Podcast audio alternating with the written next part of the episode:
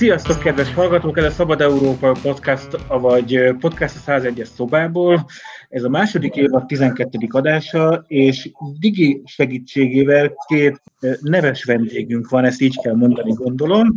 Egyrészt velünk van Lovasi András, a népszerű zenész. Most kacsintanék, hogyha így egymás mellett ücsörögnénk, de hát nem egymás mellett ülünk, hanem, hanem távolról veszük föl ezt a podcastot. És a Fishing Honorfű egyik, hanem a szervezője, másrészt Tóth Tibor van velünk, szintén, szintén zenész, vagy szintén szervező. Digi, kik ők, kik a vendégeink? Én nagyon régről ismerem őket, Hát ugye a Lovasi Andrást nem tudom, hogy be kell valakinek mutatni, a zenész és a Fishing Honor fő, fő szervezője, tulajdonosa, ezt majd ő talán elmondja. És Tóth Tibor, akit szintén elég régről ismerek, bár halványolnak az emlékek, ő pedig a Sziget Fesztiválnak az egyik főszervezője. De majd talán esetleg pontosabban elmondják ők. Sziasztok különben! Sziasztok, én a Lovasi András vagyok, csak hogy Tibinek segítsek, hogy mikor kapcsoljuk be a mikrofonja. Sziasztok, sikerült bekapcsolni a mikrofon, Tóth Tibor személyesen. Köszönöm a meghívást, neves vendégként sok embert hívok Tóth Tibornak, úgyhogy ez biztos, hogy mindenkinek is. Még azt nem mondtátok el, hogy mi össze is voltunk majdnem évtizedeken keresztül fonódva Tibivel, mert tulajdonképpen Tibit a rock bizniszre én szabadítottam rá bizonyos értelemben, de hát majd ezt valamikor elmeséljük máskor, mert most nem ez a beszélgetés. A lényeg az, hogy nagyon sokáig a Tibor volt a menedzsmentünknek a, a vezetője, illetve mi, ez a menedzsment mindig létezik, csak mi közben eljöttünk onnan, a, én meg a zenekaraim, vagy a zenekarom. Ez utolsó két évben nem dolgozunk együtt, de hát még azért vannak összefonódásaink, mint minden, minden ilyen hosszú idő után. Ilyen, ilyen hosszú munkakapcsolat után azért még vannak közös ügyeink, ugye. De ez most nem érinti a beszélgetést, csak azt akartam elmondani, hogy mi tulajdonképpen valószínűleg abban ismerjük egymást, mint mint titeket.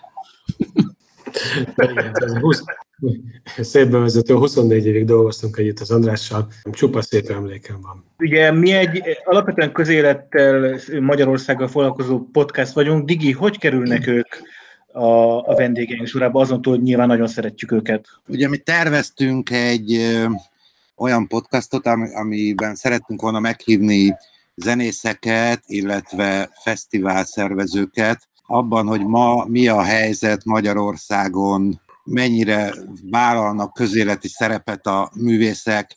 Ugye mindegyikünk benne van már a korban, valahogy azt éreztük, hogy ez valamikor a 80-as években sokkal jobban működött, ma talán ez kevésbé van, de hát ezt a podcastot majd egyszer máskor fogjuk fölvenni, mert ugye az élet meg a koronavírus ezt átírta, viszont akkor azt gondoltuk, ha már így ö, vannak ismerőseink körében ilyen emberek, akkor, akkor esetleg beszélgethetnénk egy kicsit most az aktuálisabb dolgokról, hogy mi történik a zenészekkel, illetve mi történik a fesztiválokkal most a koronavírus idején.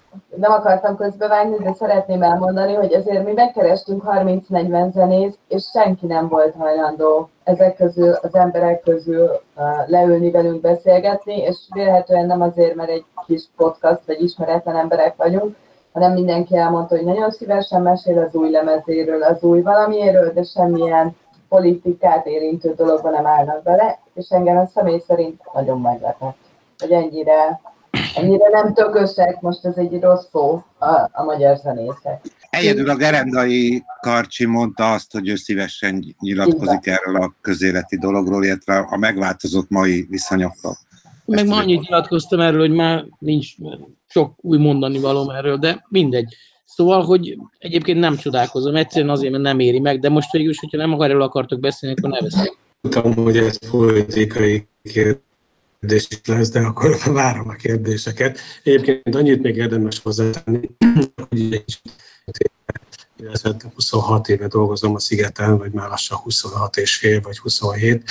Ez volt a 25. Sziget Fesztiválom, amit csináltam a gerendaival, illetve most már nem a gerendaival, de 24 éven keresztül a gerendaival. Ezen kívül a Fesztegernek a, az egyik megálmodója, kitalálója, tulajdonosa vagyok, és egyébként, hogy az András is mondta, 20 nem is tudom hány éve menedzselünk zenekarokat a kollégáimmal. Még mindig van néhány zenekarunk, bár ez, ez egy kicsit halványul nálunk is ez a, ez a szegmens a cégnek. Szóval van egy kis rálátásom erre a témára, úgyhogy várom, várom a kérdéseket, és akkor hát, ha nem kell politizálni. Ez a mostani koronavírus és az ezzel kapcsolatos leállás, ez hogyan érinti ezt a zenész társadalmat és a fesztivál szervező társadalmat. Mondok egy személyes, vagy nem személyes, csak egy, egy saját tapasztalatot. A 24.hu-nak látom a Kac Dávid féle ilyen, ilyen videó sorozatát, ahol megjelennek otthon karanténban lévő művészek, hát ott is azért tulajdonképpen a sorok között olvasva látszik, hogy nem lesz ez a zenészeknek sem túl könnyű, hiszen se koncert, se fellépés, meghívások, semmi. Tehát, hogy mindenki, gondolom én, a tartalékaiból él, de hogy ti mit láttok erről, nyilván ti jobban ráláttok, és akkor ott van a fesztivál világ is. Hát ugye a Music Hungry Szövetség, ez egy ilyen zene, zeneipari érdekvédelmi szövetség, ennek a főtitkáraként elég sok sok időt töltöttem, meg elég sokat foglalkoztam az elmúlt hetekben azzal, hogy valójában hol tartunk, meg hol a zeneipari szektor, vagy egyáltalán hogy látjuk ezt a dolgot. Tehát egyébként pontosan úgy látjuk, mint bárki más, teljes, teljes csőd, teljes katasztrófa. Tehát én azt gondolom, hogy a, az Airbnb lakáskiadók és a turizmussal foglalkozók mellett a zenészek azok, akik a zenész, illetve a zeneipar, mert azért ez elég sok ember. Tehát hogy a, a zeneiparnál sokan csak a zenészekre gondolnak, de itt azért egy ilyen, itt azért, itt azért egy ilyen 40-35-40 ezer emberről beszélünk, aki a zeneiparból él. Tehát most képzeljétek el, hogy mindenki eljutott a, a, a nehéz téli esték után a kiürített kamrákkal a, a tavaszhoz, hogy akkor majd beindul a, a, a, az, egyébként az év bevételének a 60-70 százalékát termelő nyári fesztivál szezon, és akkor itt becsukták az ajtót, és mondták, hogy ez most elmarad, srácok. Szóval mindenki itt áll, teljes bizonytalanságban, tehát abszolút, abszolút kiszámíthatatlan az, hogy mi lesz, és hogy ki hogy fog megélni a következő néhány hónapban, vagy az azt követő fél évben, vagy akár mennyi időben, amíg ez helyre fog állni. Ez annyit tennék hozzá, hogy hallotok? Hallunk, egy kicsit visszhangos vagy olyan furán, de nem tudom miért. Igen, igen, nekem is valami nem stimmel, de mindegy. Szóval annyit tennék hozzá, hogy nem véletlenül szokott tenni ez a, a tücsök hasonlat a zenész tevékenységét illetően. Én ez alatt a 21 néhány év alatt, amikor mióta, vagy 31 néhány év alatt, mióta zenélek, azóta maximum egy évre láttunk előre, és mondjuk egy-két hónapra volt tartalékunk. Ez volt az általános, főleg az első 10-15-20 évben, amikor talán hát olyan 31 néhány éves lehettem, amikor megkaptam az első jogdíjamat, Artisius, tehát szerzői jogdíjamat, ami több volt, mint egy millió forint, és akkor az arra emlékszem, hogy, hogy akkor arra gondoltam, hogy milyen jó most, hogy, hogy, hogy most, hogyha valami nagy baj történne, akkor is lenne valamennyi pénzünk, tudom én, pár hónapig, vagy két-három hónapig, négy hónapig. Szóval, hogy az volt az első olyan pénz, amit így félre tudtam tenni, és nem, nem éltem föl. Mondjuk sose éltünk kislábon, vagy hát, hogy, hogy mondják ezt, szóval nem, nem számolgattam sose, hogy mennyi a rizsnek a kilója, hanem így mindig levettem a polcra a rizst, aztán beleraktam. De ez szerintem így alapvetően jellemző a mi zené, úgymond általános mentalitásunkra, hogy a zenészek egy picit így a mának élnek, vagy egy picit azt mondják, hogy ez a mai buli legyen jó, aztán majd meglátjuk, mit hoz a holnap. Hát most ez egy picit hosszatávú gondolkodásra is kényszerített bennünket ez a vírus, és gondolkodni az mondjuk így egyelőre ingyen van, de, de nyilván azért nagyon sok ismerősöm van, aki, én nem panaszkodnék, de nagyon sok ismerősöm van, aki, aki, akinek már most nagyon komoly gondjai vannak, csak ugye a szűk zenekarom környezetét is tudom mondani. Most csináltam egy hétvégén egy ilyen egy ilyen online gitározást a szobámból, ilyen koncert, szoba koncertet, és utána nagyon kedves emberek beírták, hogy de jó lenne, miért nem küldte egy számlaszámot, ahol lehet támogatni, stb. stb. És, és utána gondolkodtam, és lehet, hogy tényleg kéne csinálni még egyet, és hát nem is a saját számlaszámot írnám oda, hanem mondjuk például a technikusainknak a számlaszámát, akik tényleg konkrétan elköltöztek anyu, anyukához vissza, meg hát ez a szokásos ilyen túlélési stratégiák ilyenkor beindulnak, és akkor nyilván mindenki reméli a legjobbakat. E, hagyd kérdezzek már valamit én is, hogy az egyik, azt hiszem a Kovács András Péter mondta valami videójában nemrég, hogy nagyon gyorsan kiderült, hogy kik a legfölöslegesebb szereplők a társadalomban, ami persze oltári baromság, mert nyilvánvalóan művészet nélkül ugye a, eléggé nagy bajba lenne ez a társadalom. Úgyhogy azt gondolom, hogy valahogy meg kéne oldani ezt a helyzetet, és az a kérdésem, hogy, hogy szerintetek, ahogy mondjuk, mit tudom én, a, az éjszakmában elég gyorsan átálltunk az internet el, elég intenzív használatára, hogy a, hogy a ti szakmátokban is lehetséges egy ilyen nagy változás, hogy az, amit most idáig koncerteken, meg lemezfelvételekkel, meg Artisius, nem tudom, jogdíjakból szedtetek be, azt hirtelen mondjuk Patreonon, meg nem tudom, YouTube-tól kapott pénzön tudjátok lecserélni ezeket a bevételi forrásokat. Azt elképzelni is nem tudom, hogy fesztivált hogy lehet szervezni az interneten, de nem, nem tartom kizártnak, hogy az is lehetséges, csak én nem tudom, hogy hogyan. Hát, Tibor? Erre csak egy dolgot szeretnék mondani, hogy ez a, amikor én ezt a szakmát elkezdtem, az Andrással egy halászléjelés után elkezdtünk együtt dolgozni nagy barátságban, akkor, akkor még talán magnókazettán hallgattuk a zenét, akkor jött a, jöttek a CD-k, és utána ö, jött az internet. Olyan, olyan jól sikerült reagálni a zeneiparnak az internet, hogy én 15-20 év alatt talán már találtunk is fogást rajta, Úgyhogy amit te most uh, itt javasoltál, az is sikerülni fog szerintem egy 10-15 éven belül. Hát nézzétek, tulajdonképpen az in, azért van most nagyon nagy bajba az iparág, mert az, az alatt az utolsó mondjuk 10 év alatt, aminek szintén voltak különböző stációi, egyébként szerintem nem a legjobb részénél történt ez a dolog, ami történt, vagy hát ha úgy nézzük, akkor bizonyos értemben a legjobb részénél. Tehát, hogy az, ha a Tibi amit átküldött felmérést, ha belelapoztatok, abban láttatok, de ezt nagyjából szerintem elég sok fórumon elmondták. Jelenleg mondjuk a magyar zenészeknek az átlagos magyar zenésznek a 60-70 százaléka, a bevételeinek 60-70 százaléka az élő zene. Zenei koncertek után járó, vagy hát nem feltétlenül élő, de minden esetre nyilvános fellépések után járó gázsikból adódik. Tehát, de ez mondjuk 15 évvel ezelőtt egyetlen nem így volt, tehát akkor még mondjuk a, létezett az a, a mondjuk úgy, hogy a mainstream popzene szinte egyáltalán nem koncertezett. Voltak playback fellépések, voltak a lemezeladások, és voltak a jogdíjak, és abból fényesen megélt, teljesen fölösleges volt neki koncertezni.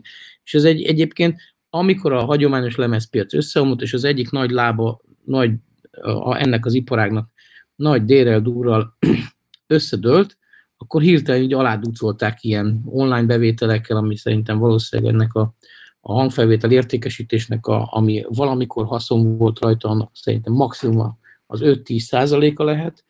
Mondjuk, tehát a, a, a, most már pedig, most már Magyarországon is elég sok ö, fogyasztót tereltek be a, a, a fizetős, ennek a, ennek a, ezeknek a szolgáltatásoknak a fizetős igénybevételére, stb. stb. De ez, ez évről évre nő, de ez, ez még mindig töredék annak, amit valamikor a hagyományos hangfelvétel értékesítésből kerestek, illetve a, ahhoz kapcsolódó merchből kerestek.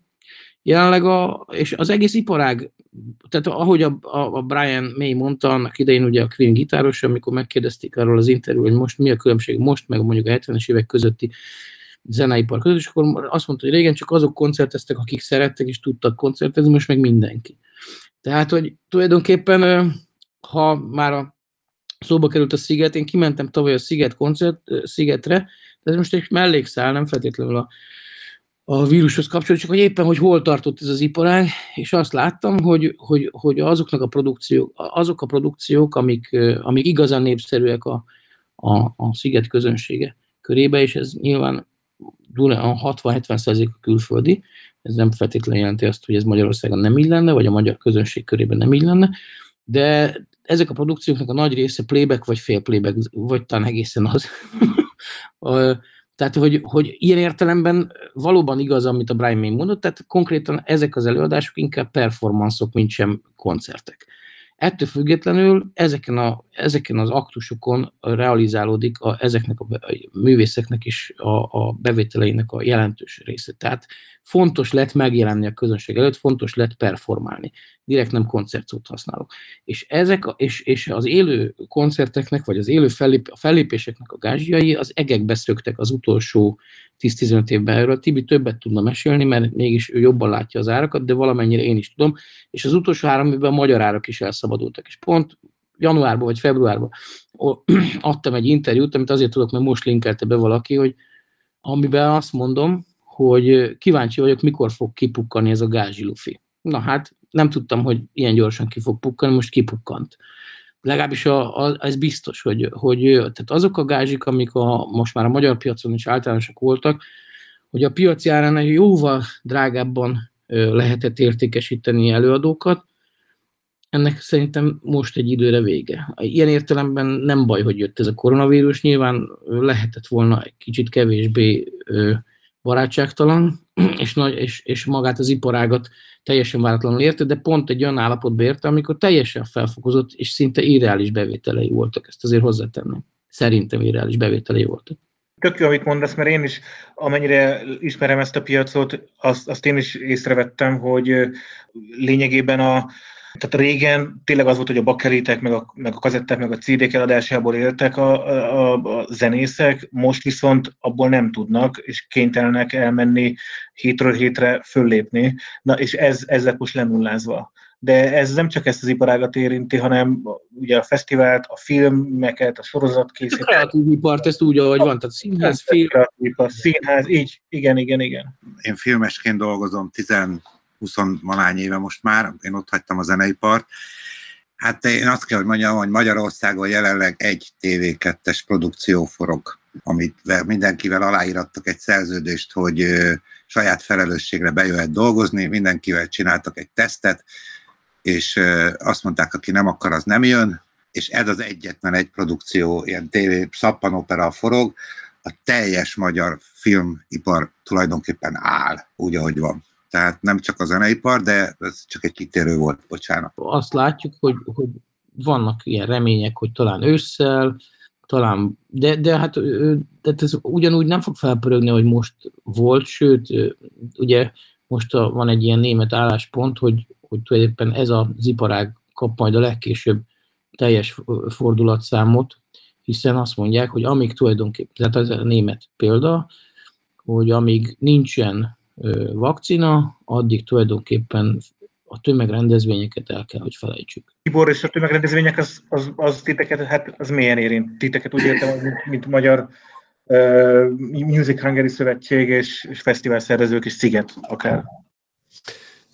Bocsánat, tehát föl, légy szíves a kérdés első részét még egyszer, mert annyira szakadozott, hogy nem hallottam. Tehát amit az András mondott, hogy, hogy, hogy Németországban a német példa szerint valószínűleg ez lesz a legkésőbb, ami helyre tud rázódni, hiszen tömegrendezvényekről beszélünk például a fesztiválok tekintetében, szóval ez titeket milyen, milyen érint és húsba vágó. Abszolút, bennünket és mindenkit.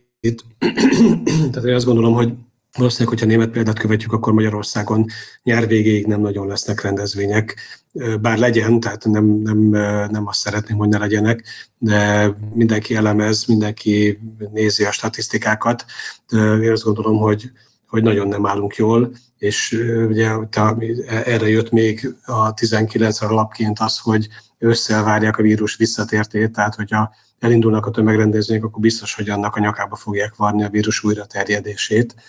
Úgyhogy, úgyhogy nem állunk jól, sőt, most egy kicsit finoman fogalmaztam, szerintem katasztrofális állapotban van a, a magyar fesztiválpiac, meg a, meg a, a zene, zenepiac, vagy a zenészipar is. És akkor Szigetre, ti most hogy készültek?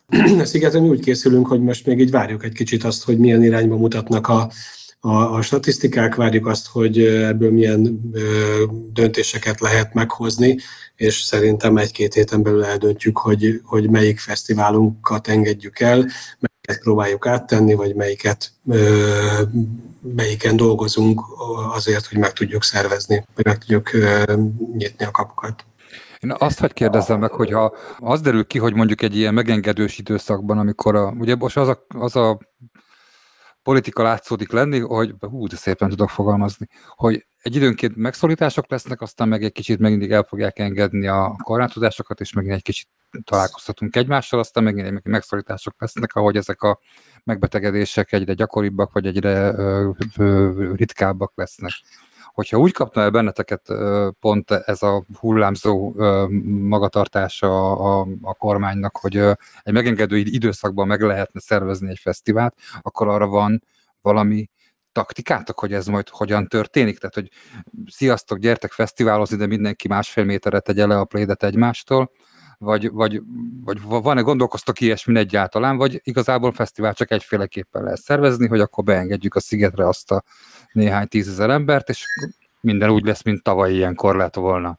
Hát nézd, én gondolom, hogy nem lesz semmi úgy, mint ahogy ilyenkor lett volna. Egész egyszerűen azért, mert hogy, mert hogy, hogy nem, nem tudjuk, hogy, hogy hogy fog reagálni a közönség, nem tudjuk, hogy fognak reagálni a fellépők. A legnagyobb problémánk az, hogy egy csomó fellépő már most lemondta, hogy elkezdte lemondani a fellépéseit, és jelezte, hogy ő nagyon szívesen jön majd 2021-ben, hogyha nem lesz vírus. Ugyanakkor ugyanígy a, a közönség nagy része, ugye a Sziget Fesztiválnak egy jelentős része a látogatóinak külföldről jön. Ők se biztos, hogy ez lesz az első dolguk, vagy nekik se biztos, hogy ez lesz az első dolguk, hogy nyakukba vegyek át zsákjukat és elinduljanak Európán keresztül. De én azt gondolom, hogy ez a közönségnek a, az utazási kedvét is meg fogja jelentősen cibálni. Nem beszélve arról, hogy a légitársaságok se fognak utazni, vagy ha igen, akkor lehet, hogy nem ilyen árujegyekkel, mint ahogy az elmúlt időszakban ide lehetett jönni adott esetben Európa bármelyik részéről Magyarországra és hogy persze törjük a fejünket, mert más se tudunk csinálni, mert éjszakánként nem alszunk, mert ilyenkor megszoktuk azt, hogy 2000-es fordulat számon pörgünk három hónapon keresztül. Én ennyit amit van szerintem ebben az időszakban három év alatt összesen, mint az elmúlt egy hónapban, vagy talán lehet mondhattam volna akár öt évet is.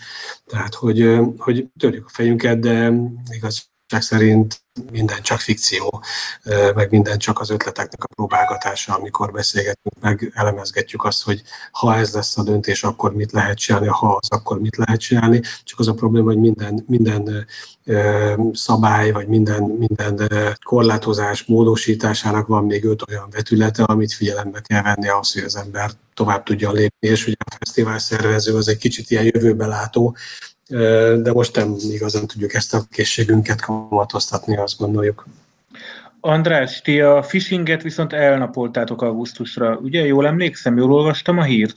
Igen, igen, igen. Hát ö, azt hiszem, hogy az elsők között jelentettük be, hogy elnapoljuk elsősorban azért, mert hogy ö, ha bármi kedvező forgatókönyv, kedvezőbb forgatókönyv ö, valósulna meg, és mondjuk ne adj Isten augusztus 1-től elengednék valamilyen szinten szabályozott módon, de valamilyen módon elengednék a rendezvény szervezést, akkor még lenne esély. Nekünk van esélyünk rá. Én, nyilván a Tibor nem mondhat ki olyan dolgokat, én nem látok sok esélyt arra, hogy mondjuk egy főleg külföldiekre és külföldi fellépőkre épülő fesztivált meg lehet szervezni. Direkt nem említek nevén fesztivált. A phishing az ellentétben ilyen szempontból egy mi könnyebb helyzetben vagyunk, tulajdonképpen gond nélkül a line át tudtuk szervezni augusztus végére. A helyszín azt amúgy is egész évben béreljük, mert az kezdeti években, amikor csak egy időszakra béreltük ki, akkor mindig rengeteg gond volt a helyszínnel, és így egyszerűbb azt az egy-két millió forintot, amit még termel a kemping veszteséget évente benyelni, mint sem, hogy a fesztivál megnyitása előtt egy két nappal még ott kaszálni a, a füvet a fesztivál helyszínen. Na, de mindegy, szóval a lényeg az, hogy, tehát, hogy a helyszínnek az adott, tehát az, az gyakorlatilag a miénk, ilyen értelemben bérleményként. A zenekarok átszervezhetők, tehát adta magát, hogy tegyünk egy kísérletet. Én most azért nem adnék száz százalékot arra, hogy ez a fesztivál megvalósul, de egy picit zavart volna bennünket, hogy csak úgy simán elengedjük. Tehát azért nyilván így hogyha ez a fesztivál elmarad már a Fishing Orfű, akkor az, ha nem is egy olyan méretű mínusz mondjuk, mint ahogy a sziget elmaradása valószínűleg egy hatalmasabb mínusza, de hát nyilván a nyereségünk sem olyan jelentős, mint mondjuk a szigeté. De szóval, hogy, hogy, hogy de azért 10 milliókról beszélünk, amiket, amit, el, amit elbuknánk, hogyha elmaradna, úgyhogy már szerintem így a magunk pénztárcája felé is tartozunk annyival, meg hát a, a, nyilván a közönségünk felé is tartozunk annyival, hogy, hogy, hogy megpróbáljuk ezt a fesztivált megcsinálni, meg hát tényleg, hogyha, hogyha véletlenül elengedik, a, tehát megszűnik a, a korlátozás, és lehetséges megcsinálni ezt a fesztivált, akkor megütnénk a fejünket, hogy mi a fenének nem álltunk neki, és nem csináltuk meg. így meg legfeljebb azt fogjuk mondani augusztus elején, bocs gyerekek, jövőre találkozunk. Nyilván egy olyan helyzetben, ahol információ, ködös információkból próbálunk így ki, ilyen ki varázsolni valamiféle valóságtartalmat, így, így elég nehéz főzni. Nem csak nekünk, hanem gondolom más iparágoknak is, de hát ugye a kreatív ipar tulajdonképpen totális bizonytalanságban van, ahogy a Digi mondta a filmeket, ugyanúgy a, gondolom a színházak is fogalmuk sincs arról, hogy egy szeptemberben elindulhat-e az idény, stb. stb. Én, én, a, én azt gondolom valami olyasmit, szerintem a legreálisabb az, hogy, hogy valamiféle kisebb rendezvényeket, vagy kis, valamilyen módon korlátos, korlátok közé szorított, akár nézőszámkorlát, akár valamiféle hát elkülönés biztosító korlátok közötti nyilvános rendezvényeket engedni fognak.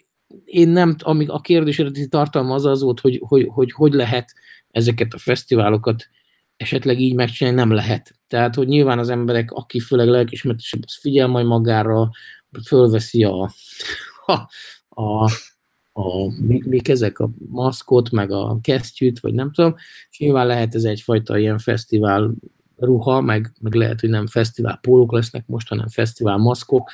Nem tudom, tehát nyilván most ezen így még akár röhöghetnénk is, de ez nem egy évet, tehát hogy ez alapvetően meg fogja változtatni ezt az iparágot, nem csak ezt, hanem, hanem mindent, ami, ami a kreatív ipar mögé, köré, elé, alá épül, mindent meg fog változtatni. A, ahogy a turizmus tehát, hogy, hogy tulajdonképpen azt a legdinamikusabban fejlődő gazdasági ágazatot, amelyik tulajdonképpen talán a legkörnyezet személyezőbb is volt, tegyük azért hozzá, tehát a turizmus és az erre épülő csomó minden szolgáltató iparágnak ez egy óriási csapás lesz, és, és, és nyilván ez évek kérdése, amíg ez, ez magához tér. Most gondoljunk bele abba, hogy egyáltalán, hogy, hogy, hogy, hogy hogy azért a phishingnek egy viszonylag idősebb közönsége van, simán előfordulnak 50 fölöttiek is, nem kis számba ezen a fesztiválon.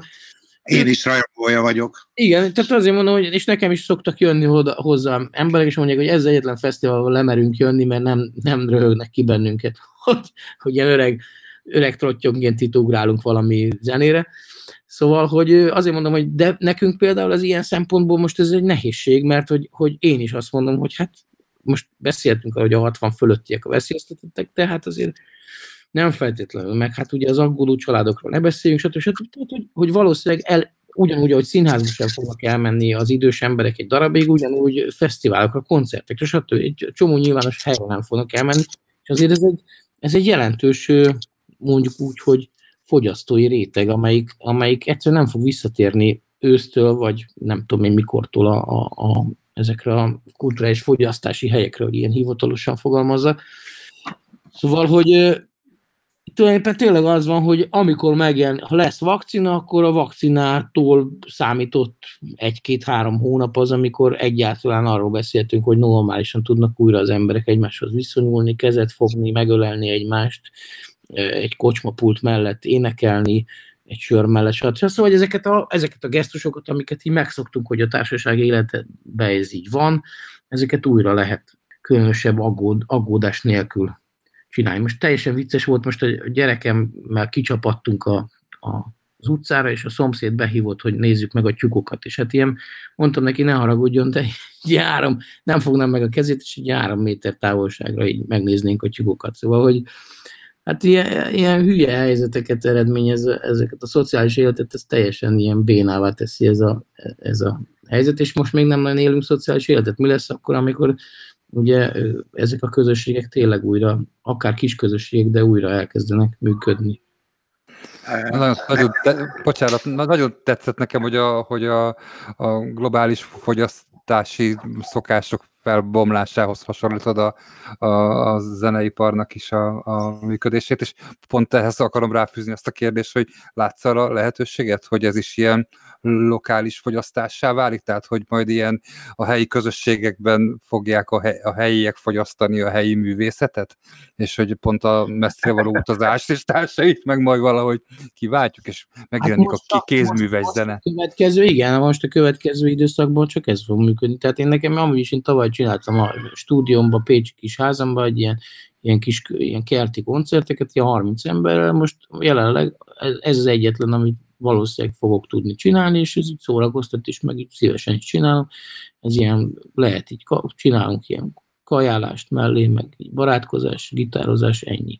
És akkor ezt majd streamingeljük, és akkor persze, ez is egy lehetséges út arra, mert amiről beszéltünk, de hát alapvetően azért ez a műfaj nem így működik. Tehát, hogy a belegondolsz, visszatérve egy kicsit a történetiségre, tehát amikor a 90-es évek végén végképp látszott, hogy, a, hogy annyi a hagyományos hangfelvétel kiadásnak és biznisznek, és innentől valami egész más jön. Abban a pillanatban az első néhány évben, ha emlékeztek a 2000-es évek elején, ilyen hirtelen kivirágzott a popzene. Tehát e, a world music, még némileg a jazz is visszajött, de, de rengeteg zene került fel hirtelen a palettára. Újra divatba jött valamilyen szinten a rockzene, stb. stb. És ezek mostanra azért tűntek el, mert az amerikai hegemónia, és tehát észbe kaptak ezek a nagy multik, és azt mondták, hogy ja, akkor innentől így fogunk mondjuk fütyülni, és, és azt mondták, hogy oké, okay, alkalmazkodjunk ez az új helyzethez, és most már tulajdonképpen az online és a streaminget és egyéb felületeken is mindenhol a te választásaid után ö, általában már fizetett felületekbe fogsz botlani. Tehát mondjuk, mondok egy példát, a YouTube-on rákeres egy zenekar, amit mondjuk ajánlott egy barátod, és a, a harmadik, negyedik találat, amit ki fog dobni, az már, de már valószínűleg a második is, az egy ö, nagy mainstream által tolt hasonló karakterű előadó. És, és ilyen értelemben a piac kivirágzását és sokszínűségét várta mindenki az internettől, jelenleg sokkal szürkébb, mint valaha volt, tehát hogy igazából aki visz, az mindent visz. Tehát az elképzelhetetlen volt régen, hogy akár éveken keresztül egy előadó uralt, egy slá, uralt a slágeristákat, mert egyszerűen a, a kiadónak volt még másik 12 előadója, és egy, egy idő után egyszerűen lefékezték a habzását az éppen futó előadónak, hogy még a következő 12 lemezüket ebbe az évben meg tudják jelentetni. Szóval, hogy bizonyos értelemben saját magukat korlátozták. Most simán előfordul az a nem csak magyar speciális jelenség, hogy mondjuk a tanksadban megjelenteti a múlon a lemezé, mind a hat, nem tudom, lemezét, és akkor az első, a Mahasz listán az első hat vagy nyolc, vagy nem tudom, hanyadik, hány helyzet, az tankcsapdán, ez, ez az Ed is megtörtént. Tehát, hogy nagy amerikai vagy angol listákon is megtörténik, ugyanez nem csak ilyen belterjes kis piacokon, ahol viszonylag könnyű uralkodni. Ugye a filmiparnak a, a rákfenéje, ugye, hogy a, ezek a nagy nemzetközi filmek nem indulnak el biztosítás nélkül ez, ez mennyire érint titeket, illetve e, talán a Tiborékat jobban, mint Sziget, hiszen ott nemzetközi előadók vannak, de van-e ilyen, hogy Viszmajor, hogy András, ti például köttök-e biztosítást, vagy Tibi, nálatok ez hogy működik? Tehát, hogy, mert azt gondolom, hogy az első gátja egy nemzetközi fesztiválnak, vagy egy nemzetközi fellépésnek talán itt lesz, ami lehet, hogy a zenész már jönne. Máshogy működik, tehát biztosítók nem nagyon foglalkoznak események biztosításával, szerintem inkább úgy működik, hogy a maguk a fellépők biztosítják be előlegekkel és egyéb ilyen ügyekkel magukat, de ezt a Tibor tényleg jobban tudja, mint én, bár ő sem a külföldiek lekötésével foglalkozik, de azért... Hát természetesen lehet biztosítást kötni bármire, hogyha van elég pénzed.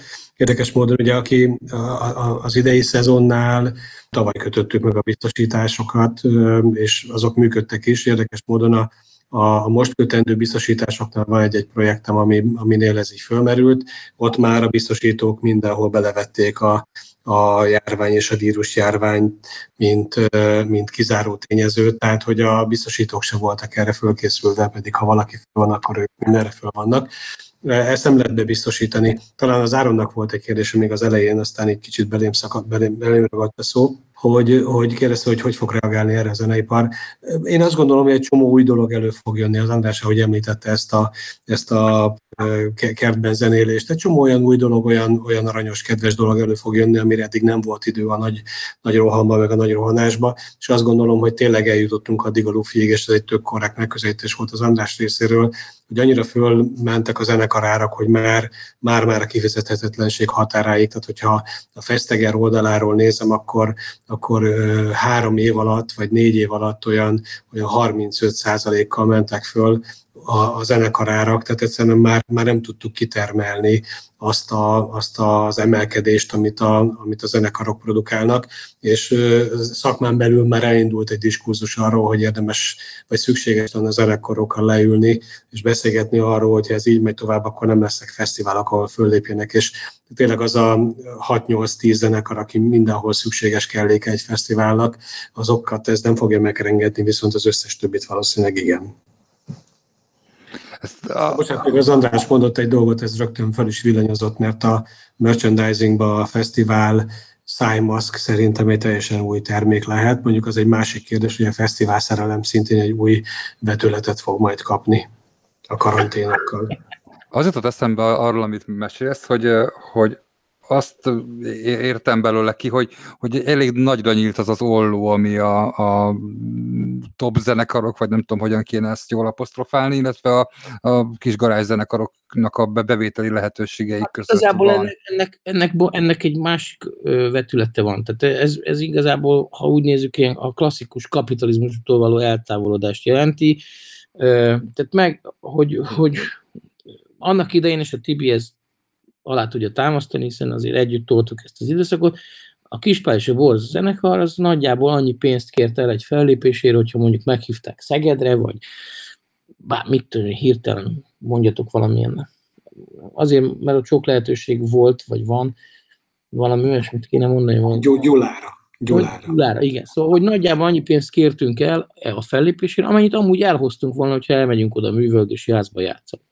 Tehát így körülbelül ará, hasonló, mert egyszerűen azt gondoltuk, hogy a, a, annyit keresnénk, akkor azt a pénzt kérjük el, hogyha meghívtak bennünket mondjuk egy ilyen lakossági rendezvényre, vagy egy diák bulira, vagy stb. stb. És, és ez a kettő távol, és én és elég sokat beszélgetek, mint, mint fishinges is, meg, meg, meg mint kolléga is, elég sokat beszélgetek zenekarok menedzserével, menedzserével vagy, vagy akár zene, zenészekkel is, akik nagy gázsiról álmodoznak, és, mo- és mindig mondom nekik, hogy nézd, lemész Pécsre mondjuk a Pécsi Est kaféba, oda befér 450 ember, csinálsz egy vagy két teltházas koncertet, elhozol ennyi és ennyi pénzt. Ezt így nagyjából gyorsan ki lehet számolni, körülbelül mennyit lehet elhozni. Ennek a pénznek a durván 3-4-5-szörösét kéred el egy nyári fellépésért. Miért? De van, aki a tízszeresét. Miért? Tehát, hogy, és azért, mert van, aki kifizeti. Tehát voltak önkormányzatok, állami rendezvények, stb. stb. Ahol, ahol, ahol ezeket presztízs okokból ezeket az előadókat meghívták. És az a legnagyobb probléma, hogy most már, mit tudom én, tíz évvel ezelőtt, vagy tizen, nem tudom, 2000-es évek, igen, mondjuk 2010-ben volt durván szerintem két, három, négy produkció, amelyik mondjuk két millió forint fölötti gázsit kért. Most van 25 és 4 millió fölötti is van mondjuk 10, vagy 8, nem tudom. Szóval, hogy, és, és nem lett több ember, jó, valamennyivel drágábbak lettek a jegyek, stb. stb., de ezek a zenekarok nem tudnak realizálni önerőből klasszikus kapitalista jegybevétel, amennyi bejött a kapuba, annyit hazaviszünk, ezeket az összegeket, amiket fellépnek, nem tudják ezeket realizálni. És egyébként a külföldi fellépők sem tudnak ilyen összegeket keresni, amiket mondjuk a fesztiválon, fesztiválon bemondanak. Tehát a legjobb példa arra, hogy mondjuk, csak mondok egy példát, mert Cigarettes After Sex nevű zenekar, a Sziget, a, itt volt a hajón, csináltak egy, szerintem egy durva 400 fős, ilyen kö, erős, középházas koncertet, ki lehet számolni, hogy körülbelül mennyi pénzt visztek el, maximum mit tudom én, mondok valamit, maximum 5000 és 10 euró között. Utána megkerestük őket, mert pont akkor turnéztak, és megkerestük őket a, a phishing-el, a, a menedzsmentjüket, hogy, hogy mennyi lenne a zenekar, és azt mondták, hogy turnéba 70 ezer euró. És hogy? Miért? Tehát nem érted. Na mindegy. Szóval, hogy, hogy én egy picit azt gondolom, hogy ez egyszerűen ilyen egyszerű, józan, paraszti, logikus számítással nagyjából annyi pénzt lehet keresni, amennyit az ember ér, vagy amennyit befizetnek rá. Nem? Ez én valahogy így gondolom. És valahol ez, ez, a, ez a, a piaci alapú gázsi számítás és a mostani gázsik, ezek olyan messze voltak egymástól, hogy, hogy tulajdonképpen még azt is mondhatnám, hogy sorszerű volt, hogy így érjen véget ez a történet.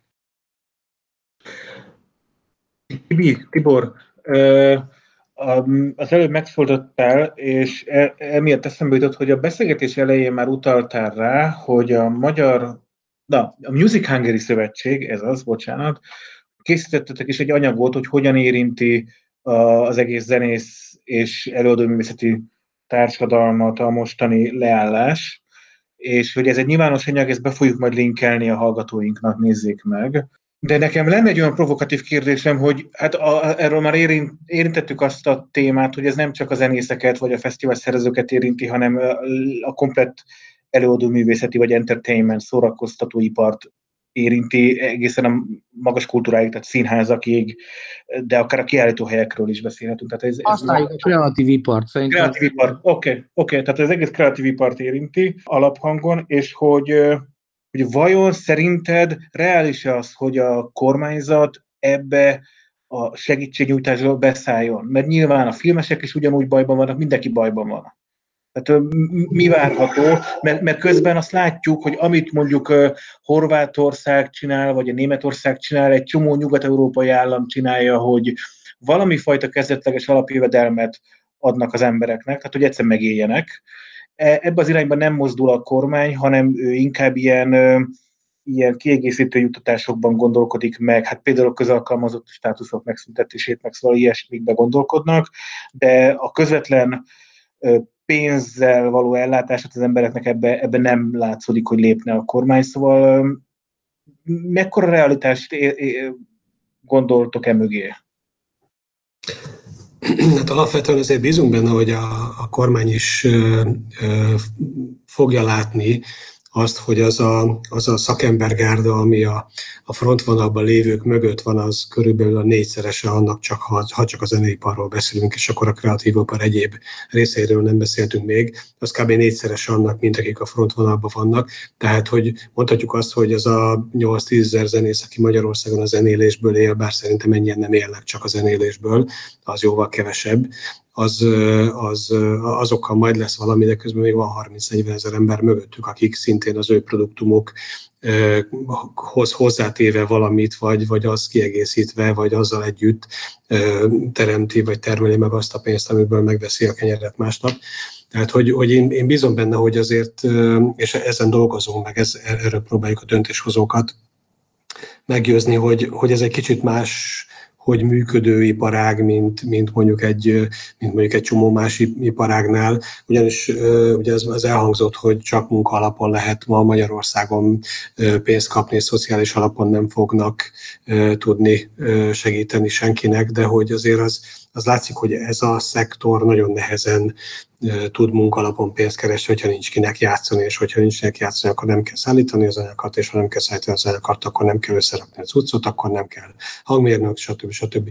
Tehát, hogy én nagyon bízom benne, hogy sikerül eljutnunk addig a, a döntéshozókkal, akik most elképesztő ö, nyomás alatt vannak, és tényleg ö, olyan dolgokat kell varázsolni, amit, amit szerintem senki nem kíván magának, hogy ez, ez az ő feladat legyen. Ez az anyag, amit ki fogtok tenni, az, az két héttel ezelőtti anyag, tehát hogy azóta bizonyos dolgok már megváltoztak, de az alaptételek, meg az alaptényezők nem. Ott a, ebben az anyagban benne van az, hogy, hogy a környezetünkben vagy a körülöttünk lévő országok hogy reagáltak a kreatív iparnak a helyzetére.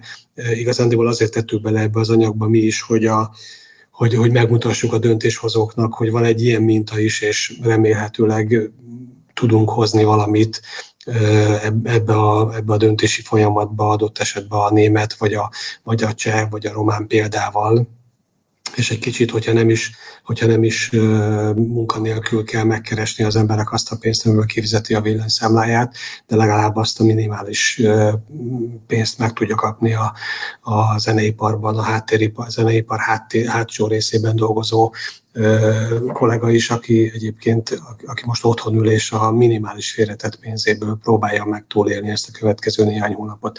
Az biztos tudjátok, hogy Magyarországon, most nem ismerem pontosan a statisztikákat, de a lakosságnak 60-70 százalékának van talán valamiféle tartaléka, de ennek a 70-80 százaléka egy-két hónap nem, nem tart tovább.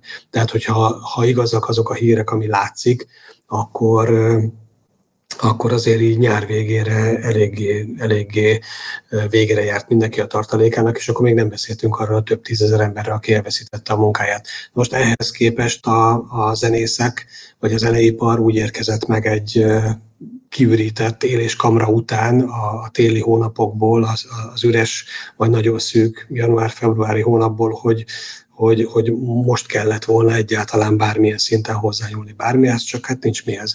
Az András említette azt, hogy a, hogy, hogy a, a, a természetrajz a, a zenészeknek milyen. Tehát a zenészek mindig annyit költenek, amennyi van. És, és így elég nehéz tervezni, meg ők, meg azért tisztelt a kivételnek, de nagyon kevés, nagyon kevés zenész fektet be és tervez úgy, meg építi úgy fel az életét, hogy, hogy, hogy az adott esetben egy ilyen dologra föl legyen készülve, és még egy fontos dolog, így mondtam is a gyerekeimnek, hogy történelmi időket élünk, tehát hogy olyan kérdéseket veszélygetünk, meg olyan kérdésekre próbálunk választ kapni, akire sen, amire senki nem tudja a választ. Tehát, hogyha, hogyha ezer elemzőt elolvasunk, meg meghallgatunk, meg megnézünk, akkor látjuk azt, hogy mindenki tud valamit, de az, hogy mi lesz, azt az égvilágon senki nem tudja megmondani, és hogyha mindenkinek rá kell tenni a, a család összes vagyonát arra a véleményre, amit, amit ő leírt, akkor azért biztos, hogy kétszer meggondolna, hogy megteszi -e. Szóval válaszolva a kérdésre, nagyon reméljük, hogy sikerül eljutatni a hangunkat, meg a, a, a kérdéseinket, kérdéseinket, véleményünket, szempontjainkat a döntéshozóknak, és ők észreveszik azt, hogy itt van egy szektor, aki írdatlan nagy bajban van, biztos nagy bajban van rajtunk kívül még egy csomó szektor, és mindenkit nem lehet kihúzni a, a, a pénztelenség gödréből, de, de hát ha lesz olyan megoldás, amivel talán ezt a, ezt a rossz érzést, meg ezt a bizonytalanság érzést egy kicsit stabilabbá lehet tenni. Hát én egy picit szkeptikusabb vagyok a Tibornál. Eleve ezeket a munka alapú társadalom, meg egyeket újra fölbefögni egy olyan helyzetbe, ahol a társadalomnak a jelentős része törvényi erővel van elszakítva a munka lehetőségétől, Hát ez szerintem ez egyfajta olyan cinizmus, ami hát mondjuk nehézé teszi a, a, a bizodalmamat ebbe, hogy mi fog, tő, hogy, hogy például ugye tulajdonképpen a külföldi példák azt mutatják, hogy valahol mindenhol egy ilyen minimálbér közeli, vagy ilyen szinte, hát nem jelentős összeget, de tényleg az életben maradáshoz szükséges összegeket azért, azért kaphatnak a zenészek, hogyha van, ahol automatizmusok alapján, van, ahol pedig pályázni kell, stb. stb. De, de valamilyen módon azért nem hagyták a környező országba sehol magukra a kreatív ipar dolgozóit, munkásait, és nem, akkor rosszul fogalmaztam, nem csak a zenészeket, hanem tényleg akik ebben az iparágban dolgoznak. És ez egyébként abban sem gondolunk bele, hogy a, a film és a Digi erről jobban tudna beszélni, de szerintem ez egy jó példa rá, hogy, hogy tehát egy filmet a nulláról elkezdeni, és összeállítani mondjuk egy fényes csapatot, összetarhálni a, a, a fénytechnikát, a hangtechnikát, a nem tudom én, stb. stb. stb. az sokkal, sokkal költségesebb, mint hogyha állandó tímek vannak, amelyeknek állandóan vannak munkáik. Na most, hogyha ez szétzüllik, ez a elsősorban külföldi befektetők, vagy külföldi produkciókra szakosodott most már nagyon viszonylag ütős magyar filmipar, akkor, akkor mondjuk szerintem egy magyar filmet jóval nehezebb lesz lábra állítani, akár hogyha készül majd később egy, egy magyar film, mint ahogy, ahogy, ahogy most elindul hat egy forgatás. Ezt nem tudom, ezt eddig jobban tudod, szerintem ez ugyanúgy vonatkozik. Ugyan... Annyit mondanék csak hozzá, hogy igen, ebben teljesen igazad van, ugye arányaiban sokkal kevesebb magyar film készül, és sokkal kisebb költségvetésből, mint amennyi nemzetközi produkció forog itt, és mindannyian, akik akiket megkeresnek részvételre magyar filme, mi mindannyian, hát hogy mondjam, teljesen más árazással dolgozunk. A nemzetközi filmipari piacnak megvannak a beosztások és szakmák szerinti bérei, illetve bértáblája, hogy fogalmazzak így, és hát egy magyar filmet mindenki, minden vállalkozó, ez a kicsitől, tehát a világosítótól kezdve a nagyik, tehát akik építik a díszleteket, vagy akik bérbeadják a felszerelést, teljesen másképp dolgozik, hiszen segíti a hazai filmipar. Hát illetve a kapacitásait gondolom rendelkezésre tudja bocsájtani olcsóban, és ha úgy is van egy folyamat.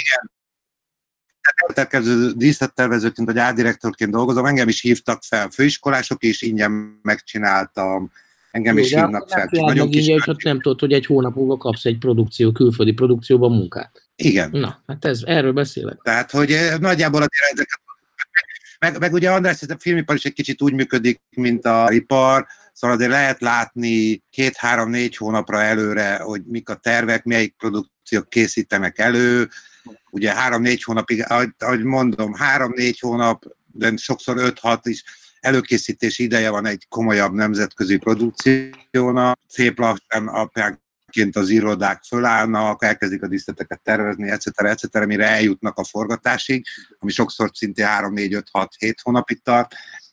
Ezt az ember látja előre, és hogyha tudja, hogy mikortól dolgozik, akkor, akkor szívesen felajánlja a kapacitását, hiszen, hiszen a saját művészetét, illetve a magyar művészetet erősíti. És hát gondolom a, a tehát, hogy ez, ez, ha szétzűlik, ezek az emberek egyszer csak ott hagyják ezt a szakmát, mert nem tudnak belőle megélni, ezt rettenetesen nehéz lesz pótolni, hiszen ez 15-20 év munkája. Hát gondolom, Tibor, ebből tudsz mesélni a Igen. fesztivál szervezés, meg a fesztivál miatt is ugyanilyen. Tehát. Abszolút, abszolút így van, de azt gondolom, hogy ez, ez eltekintve néhány, néhány olyan szakmától, ahol ahol az ember így hirtelen összeszedi azt a tudást, ami kell a megvalósításhoz, meg a munkavégzéséhez, azért, azért sok szakmánál így van.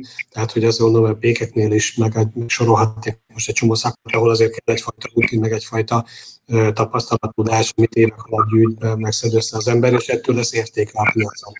Hát igen, csak itt egymásra egy bonyolult hierarchiák épülnek egymásra, ahol, ami rendkívül tőkeigényes és szakmunkaigényes, és ez, ez mire összeépül, ezt hívják úgy, hogy valamilyen módon egy mobil, könnyen mobilizálható iparág, de azért komoly szakmai tudással. És ugye az utolsó években inkább az volt a probléma már, hogy nem voltak szakemberek, vagy már lassan segédmunkás se lehetett arra találni, mondjuk, hogy valakit fölzavarjál mondjuk 5 méter magasra, hogy beállítsa a fényeket, most viszont lehet, hogy az lesz a gond, hogy újra mi, ezek az emberek, akik, akik válogathattak a jobb-nagyobb ajánlatok között, mondjuk egy fénytechnikus vagy hangtechnikus, színházi film, vagy könyvzenei ajánlatai közül most, most az, az van, hogy akkor ilyenkor szokott jönni az, hogy amelyik iparág előbb fölébred, vagy ahol előbb jelenik meg a pénz, oda megy mindenki, aztán a többi meg hoppon marad, és akkor megint kezdhetjük a nulláról. Hát emlékezz vissza, hogy amikor a 90-es években koncerteztünk, akkor gyakorlatilag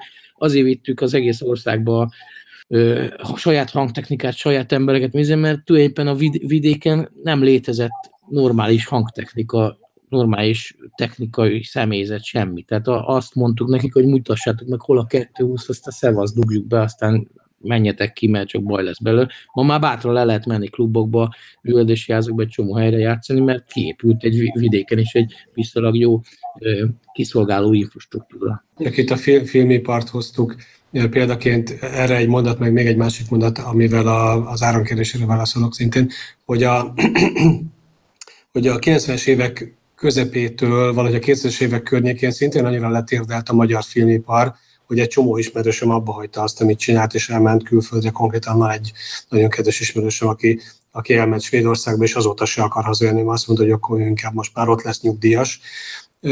Én azt gondolom, hogy van egy ilyen körforgás a világnak, most, most lehet, hogy egy ilyen negatív hullámunk lesz, és az András, András szkepticizmusára még annyit hadd mondjak, hogy valószínűleg nem tud még egy pár olyan dologról, hogy azért vannak jelei annak, hogy, hogy a, hogy a kormányzat irányából jön valamiféle támogatás a, a, a szektorba, de az, az, hogy ez pontosan hogy lesz, meg mint lesz, egyrészt még nem beszélhetek róla, másrészt még én se látom, de, de vannak jelek arra, hogy, hogy valamiféle, vagy valamilyen módon, még hogyha nem is rengető mértékű támogatással, de azért valami, valami meg tud jelenni itt a, a környezetünkbe, ami nem menti meg a fesztiválokat, csak mondjuk a zenészeket, meg a háttéripart valamilyen szinten segíti.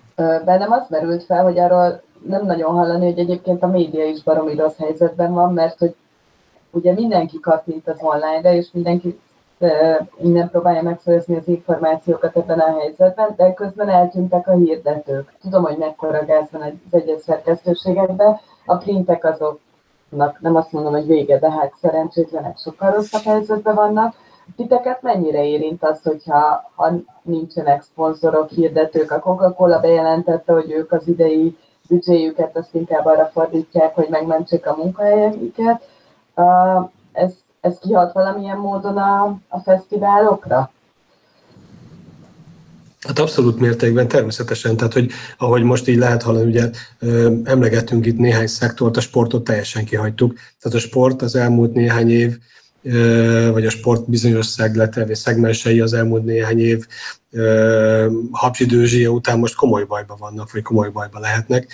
Ugyanígy az autósportnál a, a, a kieső szponzorok, de, de, de ugyanígy a, a zeneiparban is a kieső szponzorok, a visszalépő fesztivál szponzorok, a, a zenekari szponzorok eltűnése, a, alapvetően a, a multicégek marketing büdzséjének a megnyírbálása az a, minden szempontból hatással lesz mindenre. Egyébként hát azt bocsánat, ja mondjad András, mondjad. Ja, csak a phishing oldaláról, tehát én, én, én picit mi ebből, ebből a szempontból is jobb helyzetben vagyunk, mi évek óta úgy próbáljuk felépíteni ezt a fesztivált és a büdzsét is, hogy, hogy minél kevesebb ilyen mondjuk úgy, hogy külső szponzorra szoruljunk rá. Tehát annak idején a Gerendai Karcsi, mikor a phishingnek nekiálltunk, akkor kérdeztem tőle, hogy hát egy-két ilyen jó tanácsol lásson már el, és akkor mondta, hogy hát ő azt gondolja, hogy ha az ő, a büdzsénknek az 50%-a megvan, nem mi egy bevételből, hanem innen onnan pályázati pénzből, szponzor, stb. stb. akkor vágjunk bele. Hát Tibi ott volt az első phishingen, még segített is a gyerekbetegségeket kezelni, és tudja, hogy nagyjából úgy vágtunk bele, hogy talán, a, talán az 5%-a sem volt meg ennek az összegnek, és ezt azóta is egy picit ilyen, ilyen szemlélettel csináljuk, tehát mi azt gondoljuk, hogy az a biztos, ami a, a, a, ami a kasszában ben van, meg, meg az emberek megfizetik, meg mit tudom, és természetesen ebből megpróbáltunk erényt is csinálni, vagy megpróbálunk most is erényt csinálni, hogy igazából nem nagyon hajtjuk a szponzorokat. Tehát, hogy nem is nagyon adunk nekik felületeket, megpróbálunk egy olyan fesztivált csinálni, ami lehetőleg ö, szponzormentes. Legalábbis az biztos, hogy nem akar, akarunk úton útfélen termékeket beletolni az emberek arcába. Hát ez, ez az unortodox fesztivál szervezés, igen. Kicsit vakmerő volt az első év, azt azért tanúsíthatom. Azért az biztató, hogy például Ozorán egy darab szponzor nincs, ha jól tudom, legalábbis én egyetlen reklámtáblát se láttam soha, és elég jól elmuzsikált. Tudom, hogy egy másik Na jó, de hát fesztivál, egy másik piaci szegmens, tehát azért az Ozorán, a, a, amíg fölépült az Ozora, az, az, az, az, az, elsősorban nem magyaroknak szánták, és most is a közönség jelentős része nem magyar fogyasztó. Tehát, hogy az a magyar fogyasztási szokások figyelembevételével az életképtelen lett volna. Tehát, hogy ez igazából a, a külföldieknek egy ilyen egzotikus, vagy van ez a nagyon szűk réteg, amelyik valamilyen módon a Goa part és a Goa filozófia, ha lehet erről beszélni, köré szerveződik, és akkor ez viszont mindegy. Az arról is tud, hogyha Dél-Amerikában van egy fesztivál, és arról is tud, hogyha mondjuk Hozorán van egy fesztivál. Tehát, hogy csak ez egy piackép, ez egy, ez egy viszonylag jól körülhatárható, jól célba lőhető és nagyon határozott ízlésű réteg. Itt kell mindenképpen beleszólnom, hogy a coming out hogy én az első Ozora Fesztivál, amit még Solipsnak hívtak 20 évvel ezelőtt, és a Shakespeare szervezte, én akkor a főszervezőnek voltam a magyar angol tolmács az egész fesztiválon. Az a fesztivál, ami után lelépett, nem tudom hány, 10 ja, vagy 100 Nyilván az Ozora körül is van egy csomó ilyen érdekes sztori, meg ugye volt ez a szlovák tulajdonos, meg mit tudom, szóval, hogy mindegy, ezt ja. ne ragozzuk most. Uh, Jó, nem, ez csak eszembe jutott, illetve az, hogy bocsánat. De, de nyilván sokféle fesztivál lehetséges, a sziget eleve ilyen kvázi, ha ezt úgy nézzük, akkor ilyen fogyasztói bűnbe fogant, tehát ugye eleve Pepsi sziget volt már a harmadik alkalommal, stb. stb. És nyilván az, a méreteinél fogva, meg a, meg a központi ilyen kiemelt szerepénél fogva szinte rá volt kényszerítve, hogy e- ezt, ezt az utat választa, és végül is ahhoz képest, ami ennek kinézett mondjuk a 2000-es évek elején, vagy a 90-es évek végén, ahhoz képest azért tényleg Európa egyik legfontosabb ilyen könnyűzenei eseményét tornázta fel magát, ami ebbe, és, és úgy, hogy, hogy közben a számos körülöttünk levő fesztivál a Pohoddal, vagy a hát mit tudom én, a, most nem jutnak eszembe, de, de tulajdonképpen azok közül is kiemelkedik a, a nézőszámait, illetve a méreteit tekintve. Tehát, hogy a, mondjuk mindenképpen büszkék lehetünk rá, az más kérdés, hogy én nem megyek ki maximum egy napra, mert nem nekem szól, de ez nem probléma szerintem, nem nekem szánják ma már, de én 52 évesben én bácsi vagyok. Tibor, bocsánat, egy olyan szenárió elképzelhető, hogy visszanyúl kvázi a sziget a kezdetekhez, és kicsibe megrendezitek, vagy ez elképzelhetetlen? Tehát a sziget csak akkor sziget ma, ha, ha hatalmas, és nagy, és sok zenekar, és stb. stb. Hát erre mondhatnék egy visszaset, hogy a gerendai visszavásárolja a tulajdon részét, és újra kézbe vesz mindent, akkor elképzelhető, én nem tudom, hogy az új tulajdonosoknak van-e egyáltalán bármi.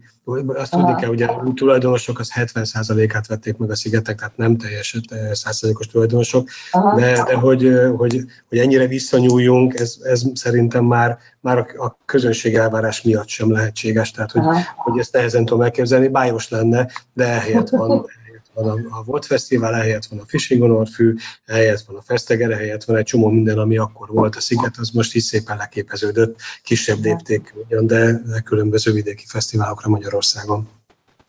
Meg azért még egy dolgot ne felejtsünk el itt a, a szponzoroknál, hogy a, ez, a, ez a közönség teljesen másik közönség, mint amilyenek mi voltunk mondjuk 20 évvel ezelőtt. Őkik ez már természetes. Egyrészt elvárják a luxust, másrészt nem zavarja őket bizonyos szempontból a szponzor jelenléte, vagy ha igen, ha nem van, akkor viszont várják érte cserébe azt, amit egyébként kaphatnak a fesztiváltól. Ha megnézzük a külföldi nagy fesztiválokat, ott, ott elképesztő látvány és elképesztő kemping és minden egyéb körülményeket produkálnak a fesztiválok, mert erre van igény a fiataloknak, és ott, ott egészen más a, a, fizetőkészség, a fizetőképesség, és, ezt, és ezzel élnek is, meg ezt ki is használják a, a fesztivál szervezők is, meg a, meg a vendégek is. Nekem lenne egy olyan kérdésem, egy kicsit visszakapcsolódva a zenészekhez. Ti, mint, mint fesztivál szervezők, illetve a Music Hungary Szövetség lát-e valami olyan esélyt, illetve gondolkodik-e valami olyanban, hogy a zenészekkel is felvenni a kapcsolatot, egy kicsit segítse őket, illetve, illetve egyáltalán megkezdődött-e a fesztivál szervezők, illetve a zenészek között valamiféle párbeszéd csinálja, a de... érdekvédő szervezetek, a szerzői, szerzőjogvédő hivatal és a, az EI, tehát az előadó művészi jogvédő hivatal, mind a kettő már írt ki egy azonos tartalom pályázatot, lehetett pályázni. Tehát van egy ilyen kvázi önsegélyezés a saját forrásaiból, ennek az iparágnak már beindult, tehát lehetett különböző feltételekkel lehet pályázni egy ilyen is. Természetesen az elindult. Például az Artisius például részt vesz ebben? Persze, ez Artisiusnál is lehet pályázni, aki szerző az Artisiusnál pályázhatott, aki csak előadó, már úgy értem, hogy csak, de, izé, de nem, nem deonasztálásképpen mondtam, hogy csak, hanem aki mondjuk nem szerző, hanem, hanem előadó művész, az pedig az EI-nél pályázhatott ö, ö, erre a, ezekre a segély, szociális segélyekre. Nem tudom pontosan hogy, hogy a, kollégáim a, a kis csillag zenekarban mindenki pályázott, én nem pályázom, nem tudom pontosan, hogy, milyen, milyen összeget kapnak, meg hogy de azt, azt gondolom, hogy nyilván ilyenkor az ember a saját túlési mondjuk úgy... Rutinját veszi elő, igen. veszi elő, igen, és akkor azt mondja, körülnéz, hogy meg hát ugye egymás között is beszélnek a zenészek, meg mindenki mondja, hogy figyelj, pályáz már, meg hát szóval nyilván aki nagyon magányos és semmit nem olvas el, és, és alsó stregovai magányában komponálja a csodálatos műveket, az lehet, hogy nem tud erről, de aki nagyjából valamilyen módon benne van a vérkeringésben, és vannak zenész kollégái, barátai, akkor majdnem biztos, hogy erről a lehetőségről például tudtak az emberek. Hát a, a, bocsánat, válaszolva a kérdésre, abszolút, abszolút megvan a, a párbeszéd, meg a, a közös stratégia, vagy a közös, vagy az közös ötletelés, vagy a közös ötleteknek a, az egymáshoz viszonyítása. Tehát a, alapvetően a Music Szövetség egyik alapítója az Artisius, a másik alapítója az EI, ezen kívül a, a, van egy menedzser szakosztályunk, ezen kívül van egy szerzői szakosztályunk, tehát hogy, hogy itt, itt együtt ülünk és együtt beszélgetünk, és van egy-egy olyan ember, aki képviseli azt a szektort, aminek a, aminek a problémáit ő látja át, és, ez, és ezzel együtt próbáljuk megtalálni azokat a megoldásokat. Szóval nem csak arról szól az életünk, hogy kopogtatunk pénzért mindenhová, hanem arról is szól az életünk, hogyha bármi olyan ötlet, bármi olyan technológia bejött a piacra, amit, amit el tudunk jutatni a kollégáknak, akkor, akkor arról próbáljuk tájékoztatni őket, és egyébként pedig az Artisius, meg az EI erről a saját forrásból gyorssegélyként kiosztott támogatásról ugyanazon a felületen értesíti a szerzőket, ahol értesíti őket arra, hogy jogdíjat kapnak. Tehát, hogy elvileg erről mindenki tud. Ezek mondjuk azért minimális pénzek, mert hogy ebbe az időszakban, hogyha ezt az anyagot megnézitek, amit átküldtem, azért ilyen, ilyen több tíz milliárd forint az, ami megfordul ebbe a szektorba. Ehhez képest itt most ilyen néhány millióról beszélünk, ami, ami látszik a következő, ami most így látom körbe van, hogy ehhez hozzá fog férni a szakma. Persze ez is több mint a van a boldogságtól. Nem tudom, hogy valakiben maradt-e még kérdés. Nekem egy dolog azért eszembe jutott, nem kérdés, hanem inkább csak lamentálás a, a, a halván, ahogy beszélgettünk erről, hogy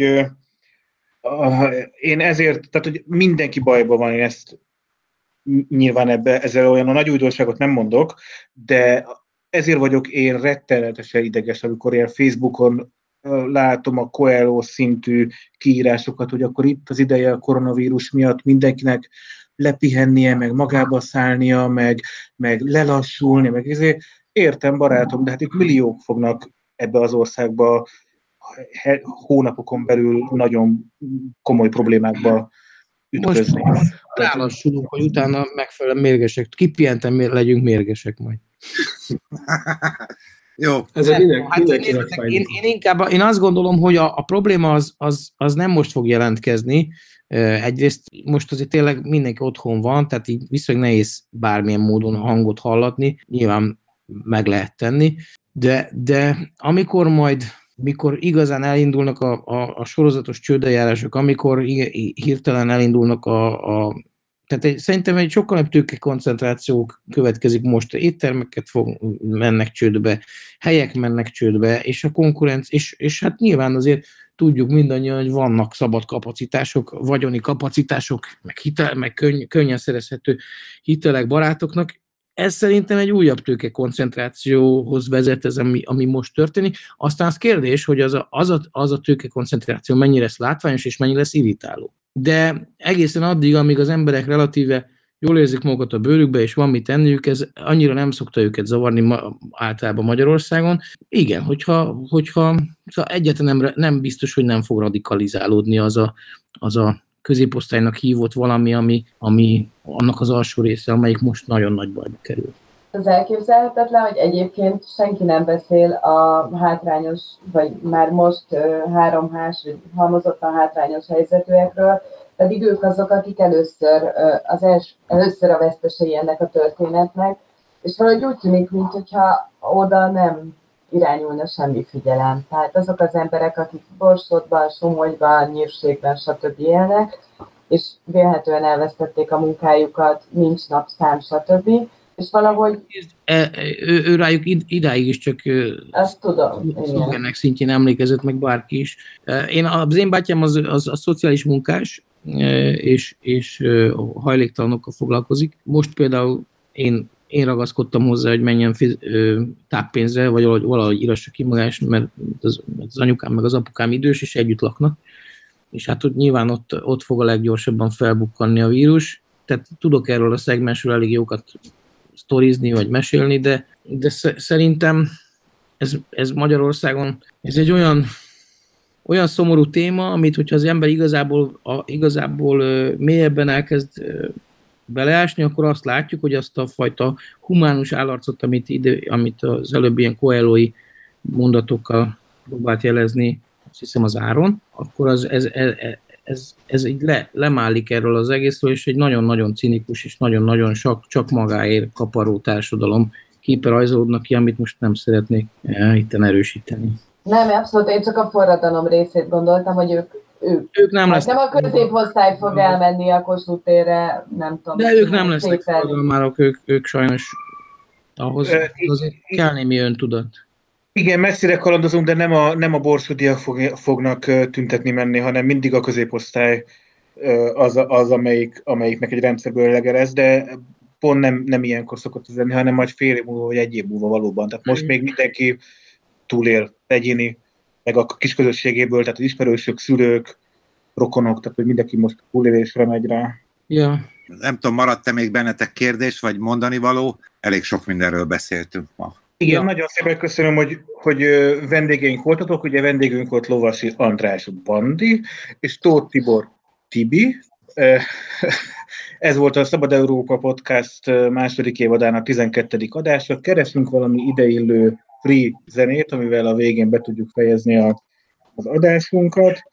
Nekem eszembe jutott, ami a Fishing himnusza lett a Richard Gere-től, hogy ez a nyár más jobb lesz, mint a többi, vagy valami ilyesmi. Az, van, hogy az egy, egyik podcast végén már volt Richard Gere, mert ugye ők Szentendrei. De nem ez, de nem ez. Egyrészt nem ez, de félek tőle, hogy jogdíjas, kacsintva nézek itt a Fishingon Orfű szervezőire, de csak 15 másodpercet akkor bevágunk ebből a, a Fishingon Orfű himnuszból, iratkozzatok fel ránk, hallgassatok, osztatok meg az adásainkat, értékeljetek jól vagy rosszul. Köszönjük szépen, hogy itt voltatok, és köszönjük a két vendégünknek. Köszi szépen! És köszönjük! Köszi, Sziasztok! Sziasztok! Sziasztok!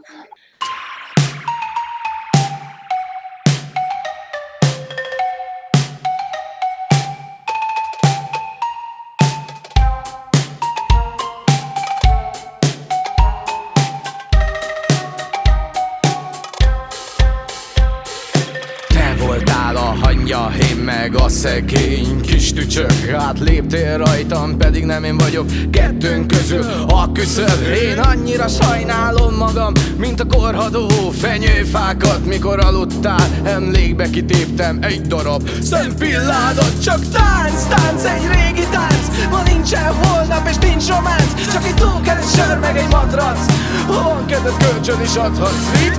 Pénz, mosolyt, naptejet Meg az öletben egy kis lakhelyet Ad a főre bú és főre várdat új helyre visz.